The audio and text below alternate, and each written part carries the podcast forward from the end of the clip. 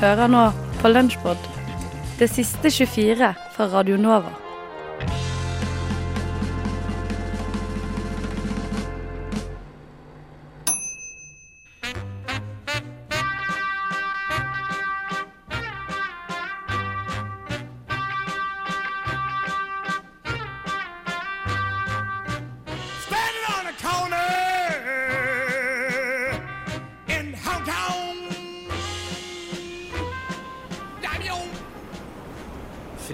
Nansen, Roald Amundsen, Patrick Engelberg.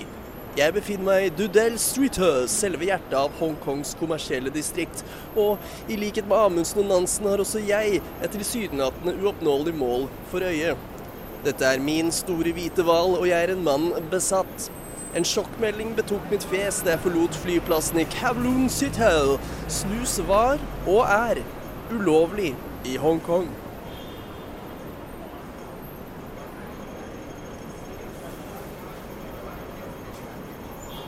Excuse me. Ex excuse me, cigaretos. Me mental cigarettes. No? No, no mental cigaretos. Okay, boss. Okay, boss.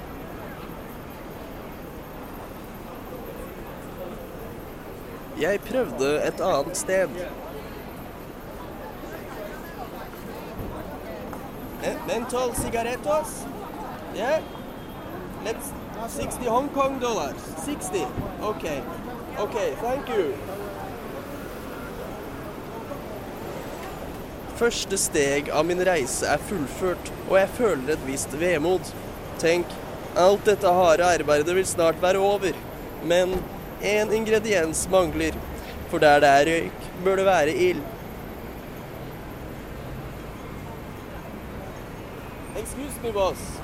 Excuse, excuse me, boss. Lighter for menthol cigarettos. Lighter. Click, click. You have? Yes? Six Hong Kong dollars. Yes. Thank you. Og med det var mitt oppdrag fullført. Den eh, store hvite mentolhvalen var jaktet ned og skutt. Andre litterære referanser. Patrick Engelberg for Syden i Hongkong.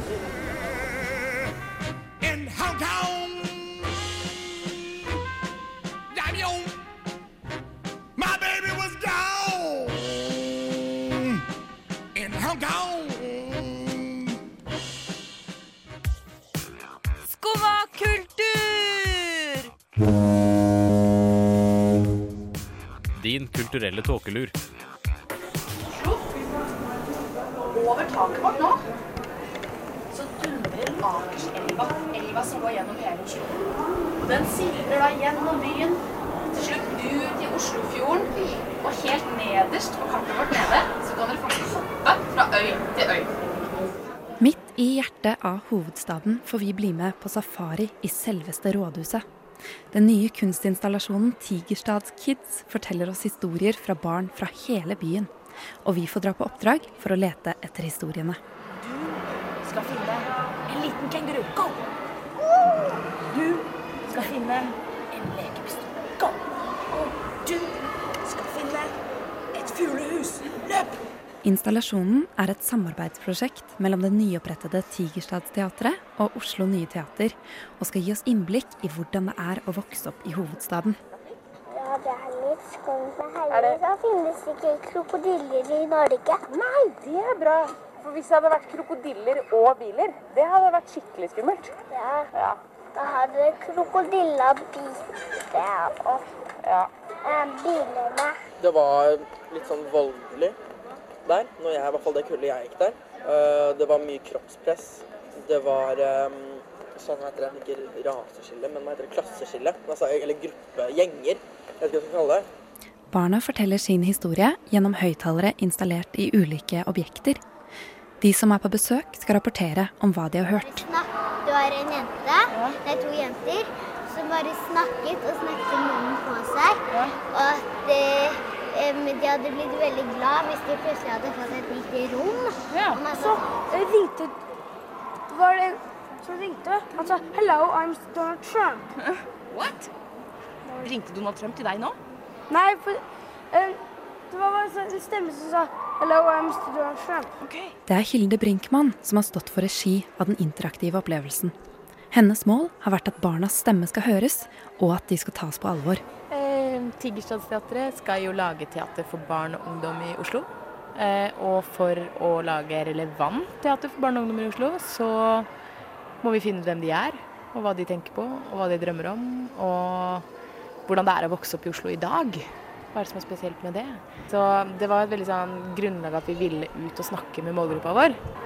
For å kunne møte dem på en bra måte igjen når vi lager teaterforestillinger. Parallelt har jeg drevet og søkt av rådhuset om å få være her, for jeg mener at det er så viktig statement at vi lar barnas stemmer få fylle det viktigste demokratiske huset vi har i Oslo. At det er et statement om barnas plass i samfunnet. Stian Isaksen går i safaridrakt og felthatt, og har vist barna rundt i Tigerstaden siden den åpnet 21. Ja, vi er sånne ekspedisjonsledere, så vi tar med oss som regel en klasse hver. Og så tar vi dem med ut i Tigerstaden, og så gir vi de forskjellige oppgaver. F.eks. finn en gullkatt, hør på historien, kom tilbake, rapporter til meg. Og så går vi og kikker på byen ovenifra, og så finner ut hvor barna bor. Og så går vi ned og har en samling og snakker om hvor og hva vi kan gjøre for å gjøre Oslo og Tigerstaden til en bedre by å vokse opp i. Men hva har barna å utsette på Oslo som by? Mye går på kriminalitet og hjelpe flyktninger, eh, hjelpe tiggere. Ja, eh, så barna er kjempeforslag. Tigerstadsteatret er ikke ferdig, selv om installasjonen er over den 30. april. Videre vil det komme flere spennende kunstinnslag, både for barn, unge og for voksne.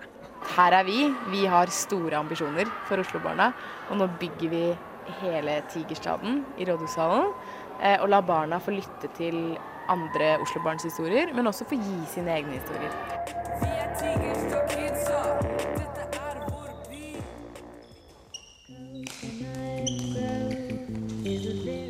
Joggeskoen som ble allemannseie.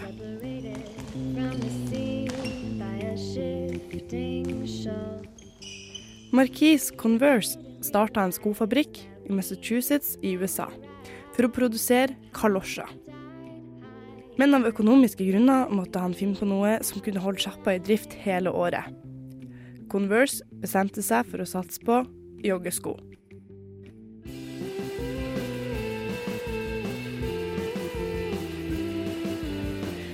Og den første Converse All-Star-skoen ble født. På begynnelsen av 1920-tallet så basketballspilleren Chuck Taylor det store potensialet i denne joggeskoen. Han likte de faktisk så godt at han ble med på promoteringa og begynte som selger for Converse. Noen få år etter fikk han i tillegg signert Converse sin All-Star-sko med sitt navn. Han designa en hvit Converse-sko til OL i 1936, og fordi han var kaptein i Luftforsvaret, ble Conversen den offisielle treningsskoen til amerikanske styrkene under andre verdenskrig. Converse var joggeskoen over alle joggesko.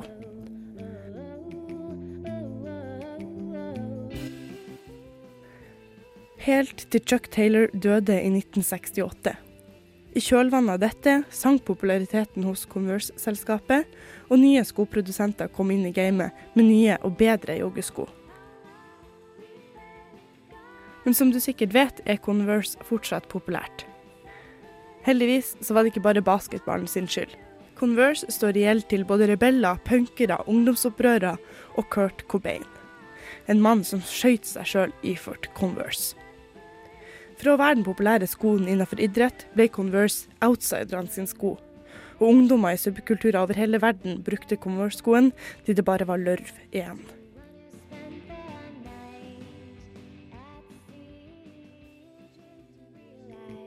Converse gikk dessverre konkurs i 2001, flytta produksjonen fra USA til Asia, og ble etter hvert kjøpt opp av storfabrikanten Nike.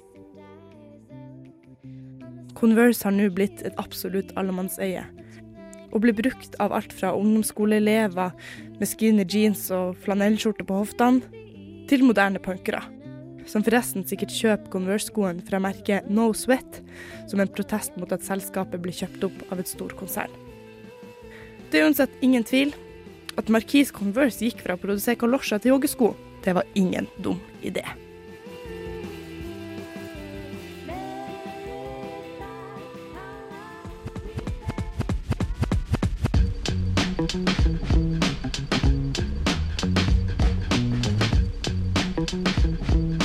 Vite nytt. Det du trenger å vite. I'm on a fantastic journey to look for the origins of life. E equals mc squared. I suspect that there are more things in heaven and earth than are dreamed of or can be dreamed An event called the Big Bang. Ukas vitenskapsmann.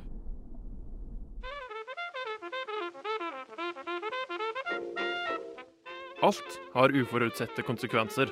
Men for Thomas Midgley jr. var konsekvensene av bedriftene hans mye større enn noen kunne forvente. Født i Beaver Falls til en oppfinnerfar, var det kanskje her Midgley fant sitt kall i livet. Oppfinner var det han skulle bli. Med ei ingeniørutdanning fra prestisjefylte Cornell University var det bare for Thomas å komme seg opp og fram i verden. Fire år etter graduation day, i 1915, fikk Midgley jobb i Dayton Research Laboratories, eid av General Motors. Bilselskapet hadde et problem de måtte få løst. Motorene deres banka nemlig noe fryktelig. Motorbanken måtte løses, og det var nettopp dette Midgley og kollegaene hans satte ut for å finne en løsning på. Etter å ha eksperimentert med forskjellige stoffer på det periodiske system, kom Midgley til grunnstoff nummer 82, bly. Og dette skulle vise seg å funke som bare juling.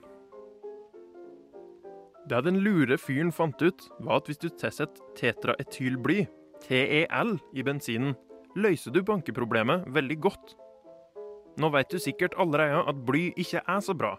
Blyfri bensin har vært påbudt siden 80-tallet. Men råkapitalistene i USA på starten av det 20. århundre brukte patenten til Midgley for det det var verdt.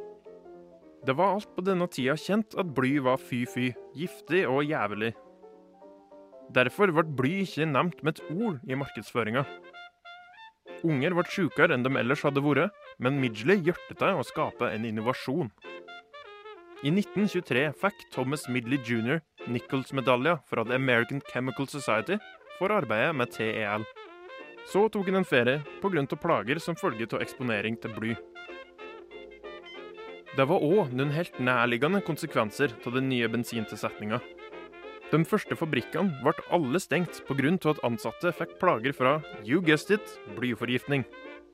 Hallusinasjoner, galskap og døden fulgte for stakkarene på gulvet. General Motors gjorde sitt beste for å overbevise befolkninga om at TEL ikke var så farlig.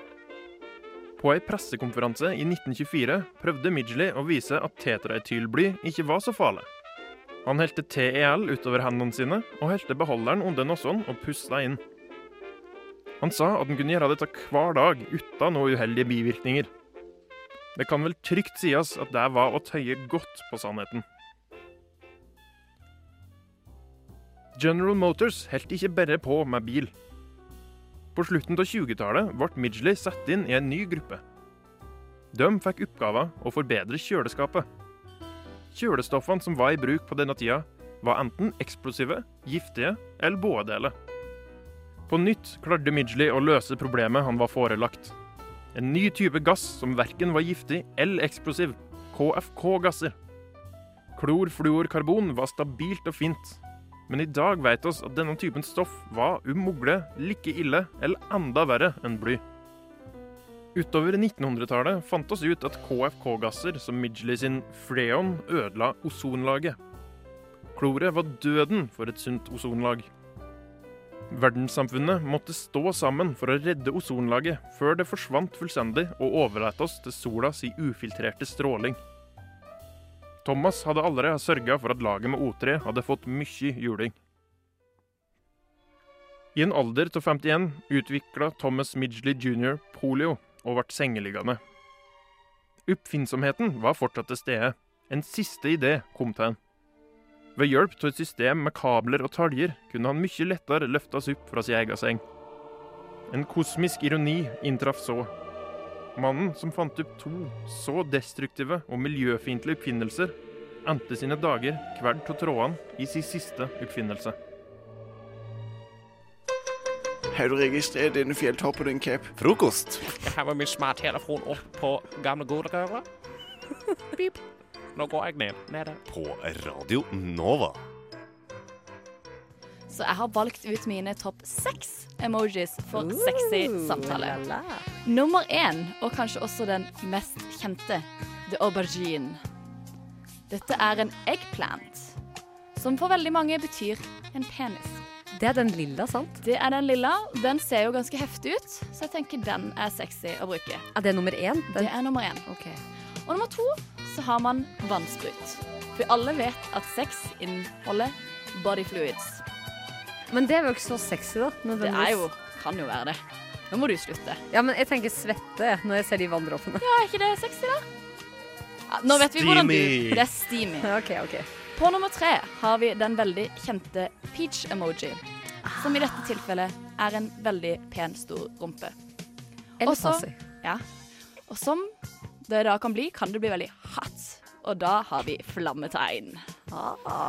Og så har vi også en tunge-emoji for uh, litt sånn ekstra action. Litt sånn eh, oral uh, Oral eh, nytelse. Ja. Og den siste er nemlig en smiley, og det er en litt sånn slu sånn smil på skeiva. emoji. elsker jeg. Jeg bruker den masse, men ikke i sexy Sexy sammenhenger. sammenhenger. Bare Den- sånn for å være kul. Er den sexy smile-emojien.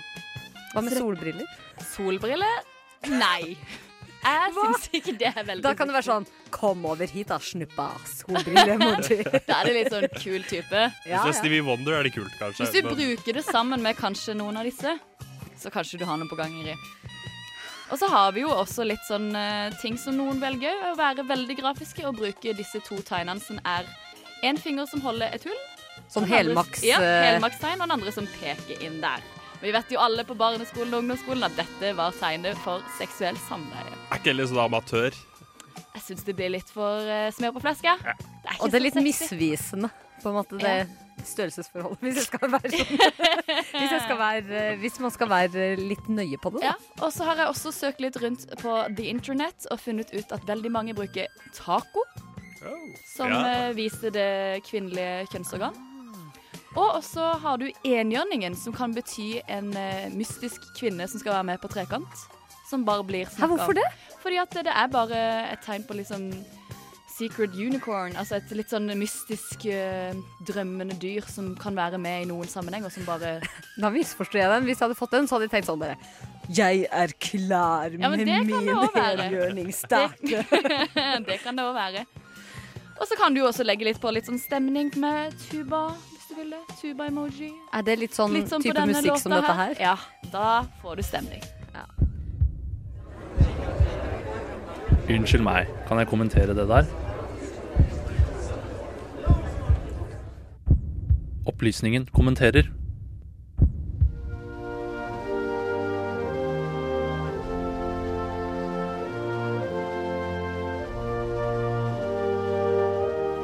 A few minutes ago in Brussels, the United Kingdom's permanent representative to the EU handed a letter to the President of the European Council on my behalf, confirming the government's decision to invoke Article 50 of the Treaty on European Union.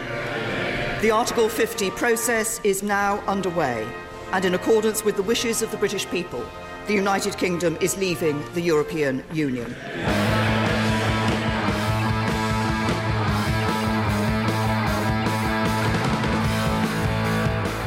Statsminister Theresa May har altså satt i gang den britiske utmeldelsen av EU. Til stor glede for de som stemte for brexit, og til like stor sorg til de som var for et fortsatt EU-medlemskap. Noen av de som er mest sorgfulle for dette, er et folkeslag som vi finner nord i Storbritannia.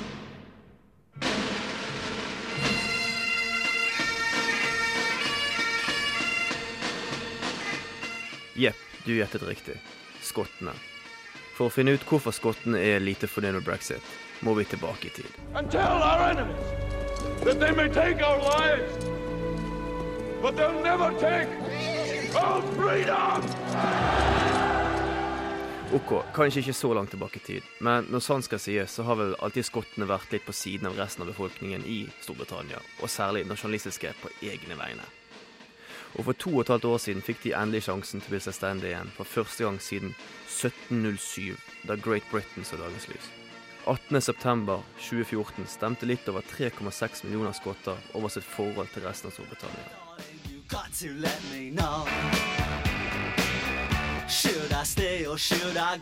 Ca. 55 hørte på det første alternativet til Mick Jones fra The Clash og stemte for fortsatt union med Storbritannia. Bl.a. pga. økonomi, jobbsikkerhet og fortsatt EU-medlemskap. Lite visste de at litt under to år seinere ville dette skje.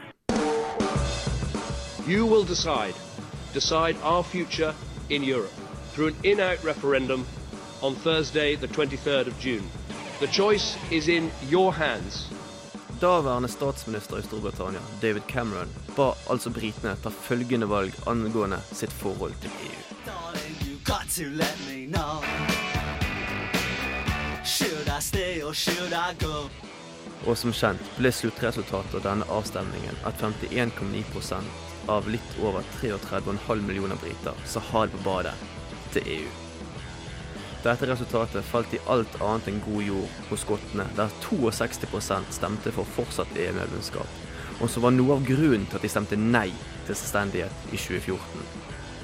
Få dager etter brexit-avstemningen fyrte Angus Robertson fra partiet Scottish National Party av denne salven i Underhuset i London. In Scotland, Mr. Speaker, we voted to remain because we are a European nation. In Scotland, we are now being told from Westminster we're going to have to do as we're told. We're going to be taken out of Europe against our will. We have no intention whatsoever of seeing Scotland taken out of Europe. We are a European country and we will stay a European country. And if that means we have to have an independence referendum to protect Scotland's place, then so be it. And it really, really matters to us that we live in an outward looking country, not a diminished little Britain. Skottene vil altså ikke være med i framtidens Storbritannia, som de nå på trass kaller Little Britain. Og 13. mars i år kom Skottlands førsteminister Nicola Sturgeon med følgende melding. I will now take the steps necessary to make sure that Scotland will have a choice. A choice of whether to follow the UK to a hard Brexit or to become an independent country. So I can confirm today that next week I will seek the authority of the Scottish Parliament to agree with the UK Government the details of a Section 30 order. The procedure that will enable the Scottish Parliament to legislate for an independence referendum. Skotske politikere vil altså ha en ny avstemning om og gjenspørre folket Should I stay or should I go? Om viljen til å få til dette finnes i Westminster og fra britiske myndigheter sin side, er heller usikker. Theresa May har per nå bedt Sturgeon om å heller fokusere på andre ting, og at nå ikke er riktig tidspunkt for dette. Men så har vel meg mer enn nok å stri med frem til 29.3.2019, da skilsmisseforhandlingene mellom Storbritannia og EU skal være ferdig. Men uansett hvor opptatt meg måtte være fremover, så kan man nesten være sikker på at Sturgeon vil gjøre som sine landsmenn i Simple Minds, og minne på at Skottland og spørsmålet om uavhengighet ikke kommer til å bli glemt.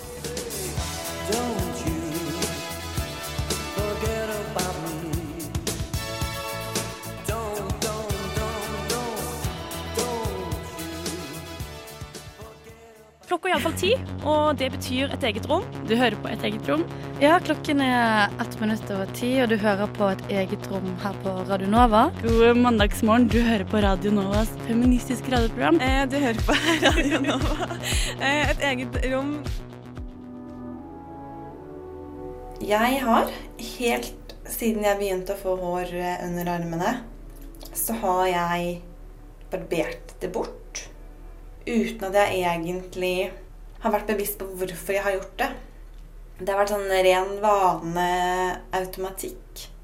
Og selv om jeg på vinteren har latt det gå lengre tid mellom hver gang, så tror jeg faktisk ikke at det har gått særlig mye lenger enn fire uker mellom hver barbering.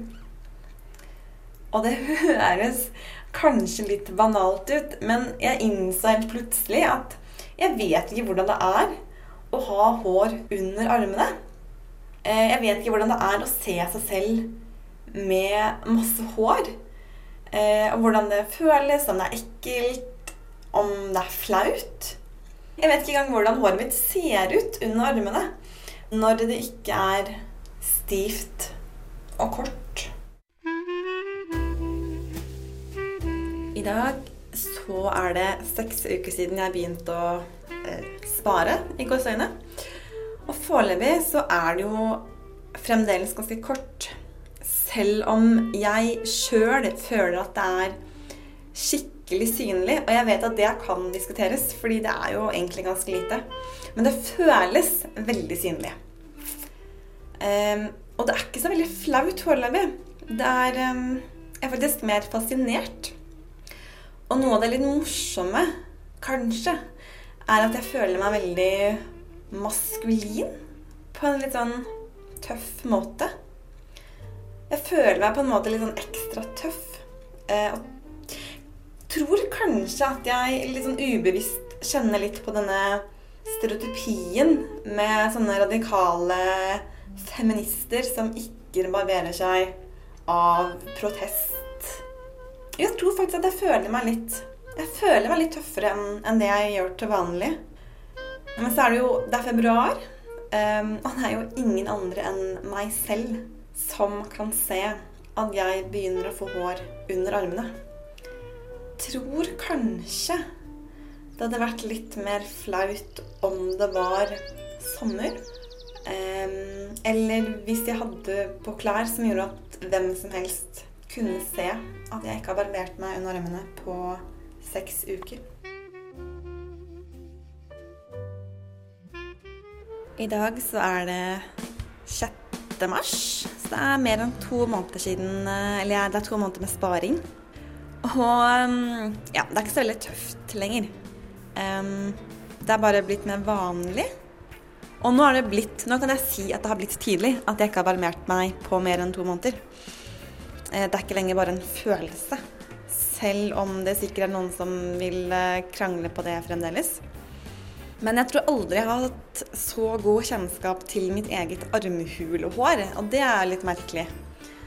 Eh, Og nå begynner det å bli ganske mykt, for det begynner å bli Det er ikke, så, det er ikke stivt lenger. Fordi det er blitt såpass langt. Og det er jo også noe som har fascinert meg voldsomt.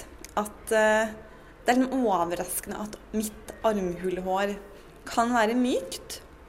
Eh, Det burde jo egentlig si seg selv at selvfølgelig så er det også mykt. Eh, Så det er Det er nesten en opplevelse som jeg er litt sånn flau over, egentlig. At jeg ble litt tatt på senga av akkurat det. Jeg syns egentlig ikke det er så veldig flaut å ha hår under armene. Men jeg tenker likevel mer på det nå enn for bare noen få uker siden. Og jeg tror at det noen dager helt sånn ubevisst påvirker hvordan jeg, eller hva jeg har på meg av klær. For det har hendt noen få ganger hvor jeg har tatt meg selv i å tenke at jeg kan ikke ha på den fordi at da kan folk se at jeg ikke har barbert meg. Så jeg er nok litt sånn ubevisst flau over at jeg har hår under armene. I hvert fall sånn innimellom. Eh, Men jeg er mer flau over meg selv fordi jeg lar meg påvirke. Eh, Og to måneder er, det er ikke så mye hår.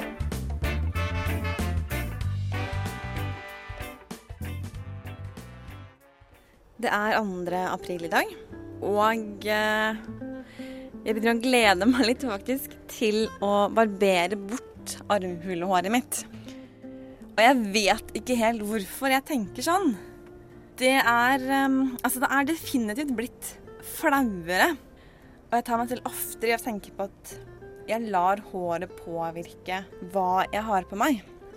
Og hadde det vært sommer nå, så tror jeg ikke at jeg hadde vært særlig komfortabel med så mye hår under armene.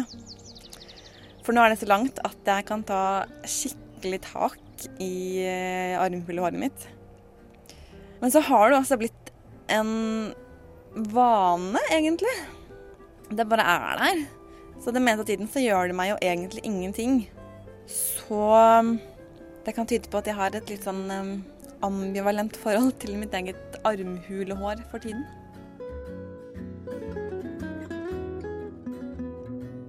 I dag så er det 23. april, og jeg har sluttet, tror jeg, i hvert fall bevisst, å tenke på at jeg skal barbere bort håret igjen. Eh, Men jeg har en veldig tidlig fornemmelse av at det blir tatt bort når eh, sommeren kommer. Men så tenker jeg litt sånn at eh, det gjør liksom ikke så mye. Jeg føler ikke at det er et tap at jeg skal barbere bort håret igjen. Fordi nå vet jeg faktisk mer om min egen reaksjon på det å la armhulehåret gro. Og jeg er ganske sikker på at jeg kommer til å spare på nytt. En gang, helt sikkert allerede til høsten. Eh, neste år. Kanskje til og med på sommeren. Akkurat nå så har jeg vurdert å spare i noen ekstra uker. Bare for å faktisk kjenne ordentlig på hvordan det er den dagen jeg skal gå i armløs kjole. For det er jo da den store ildprøven kommer. Jeg innser påsken at denne litt sånn vekselvis vekselsvis ubevisste og bevisste redselen for at andre skal se at jeg har hår under armene, det var egentlig ikke noe jeg brydde meg om når det bare var familien som kunne se det. Men jeg tror ikke at jeg er veldig komfortabel med at andre, og særlig fremmede mennesker, kan se det. Så nå er jeg faktisk litt spent sjøl på hva som kommer til å skje videre.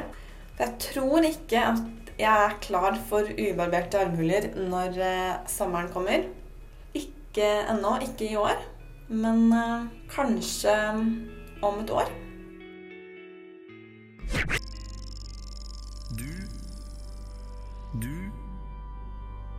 Du hø hører på. Radio Nova.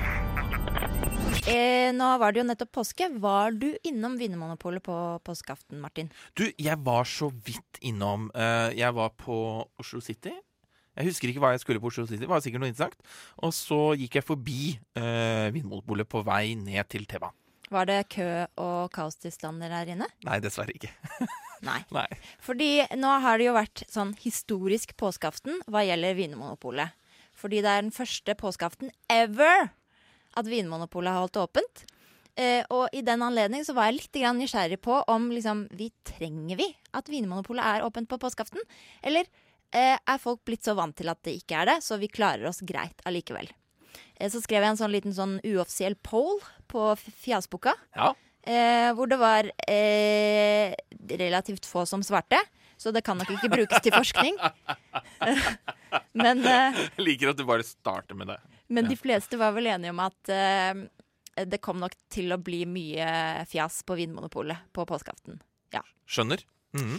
Eh, og eh, grunnen til at jeg på en måte er litt skuffa over nordmenn, fordi at det ble ikke fjas på Vinmonopolet, men de solgte mer enn de gjør på en vanlig lørdag på påskeaften. Nei, gjorde det? Ja, eh, Dagens Næringsliv kunne eh, i etterkant eh, informere oss om at Vinmonopolet solgte 323 000 liter på påskeaften, mot vanlig eh, lørdagstilstander 200 000 liter. Er ikke det rart? Jo. Eh, særlig fordi at det var flere som rapporterte om at eh, de som var innom polet, sa at det var relativt glissent, liksom. Det var jo Ja, ikke sånn Ja, så folk gikk mann av huset. Men så har jeg lest da, eh, meg opp og har funnet ut at det fins eh, forskjell på bypol og hyttepol. OK. Mm-mm. Så det er der økningen har vært. Så det er på hyttepolene Ja. at økningen mest sannsynlig har vært. Fordi man har sittet der på skjærtorsdag, langfredag, drukket rødvinen sin til lammet, kost seg. nå er vi Våkne opp på lørdag. Herregud, vi har ikke noe mer vin igjen. Far i huset sier 'ikke noe problem, vi reiser til Pola'. Ja. Ja, så gjorde de det! Ja, Ja. så kunne de det. Og så kunne de ta sånn der utflukt eh, på polet. Til Geilo. Eh, Geilo sentrum. Ja.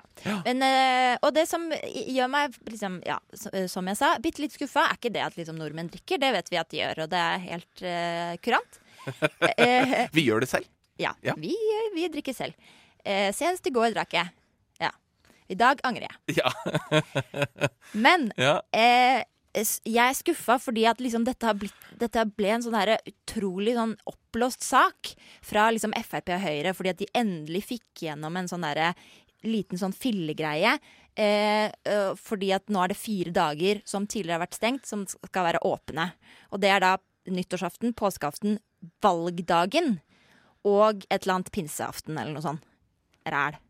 Og så tenker jeg liksom, hadde det ikke vært fint hvis vi bare sindige, eh, fine mennesker hadde bare vist Frp særlig, da, at vet du hva, vi klarer oss fint uten den ene lørdagen der. Dere må drive og uh, husje vinmonopolansatte på jobb. Og vet du hva de får for å være på jobb på påskeaften? Ja, du, det så jeg. Det var sånn 200, 200 og to fridager. tillegg. Ja, og Ja. to Det fridager får er de. helt sykt, faktisk. Så jeg er nesten sikker på at Vinmonopolet går jo i minus allikevel. Ja, jeg tenker, altså, Hvis jeg hadde vært fagforeninga liksom, Vi møter mannsverket opp her nå, vi skal inn i forhandlinger. Setter seg ned ved bordet, eh, forhandler, kommer ut og er bare liksom sånn Å, herregud, så bra det gikk. Ja, fordi jeg har fått sykt mye penger. Men, eh, men eh, ja. Jeg, jeg har et spørsmål. Du har et har jo drevet litt research. Eh, sier saken noe om en eventuell nedgang i dagene før påske?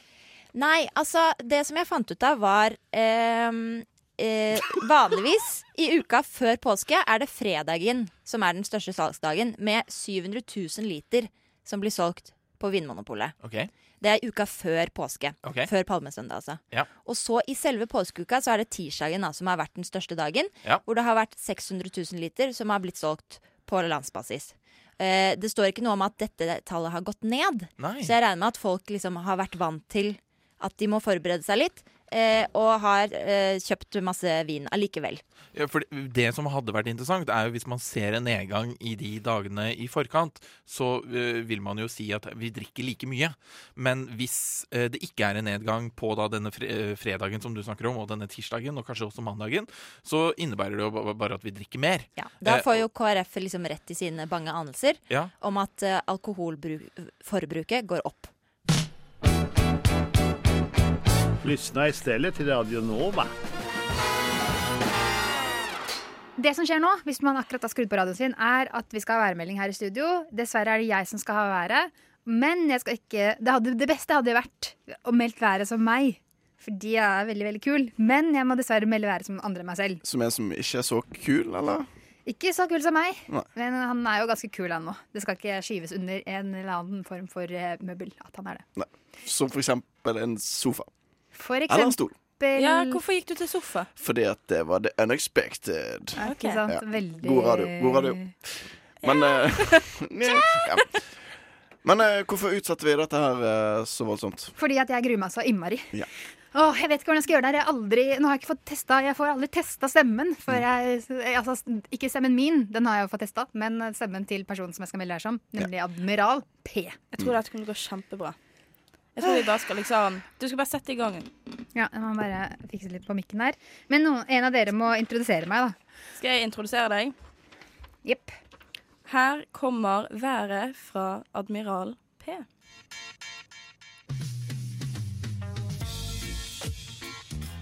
OK, OK.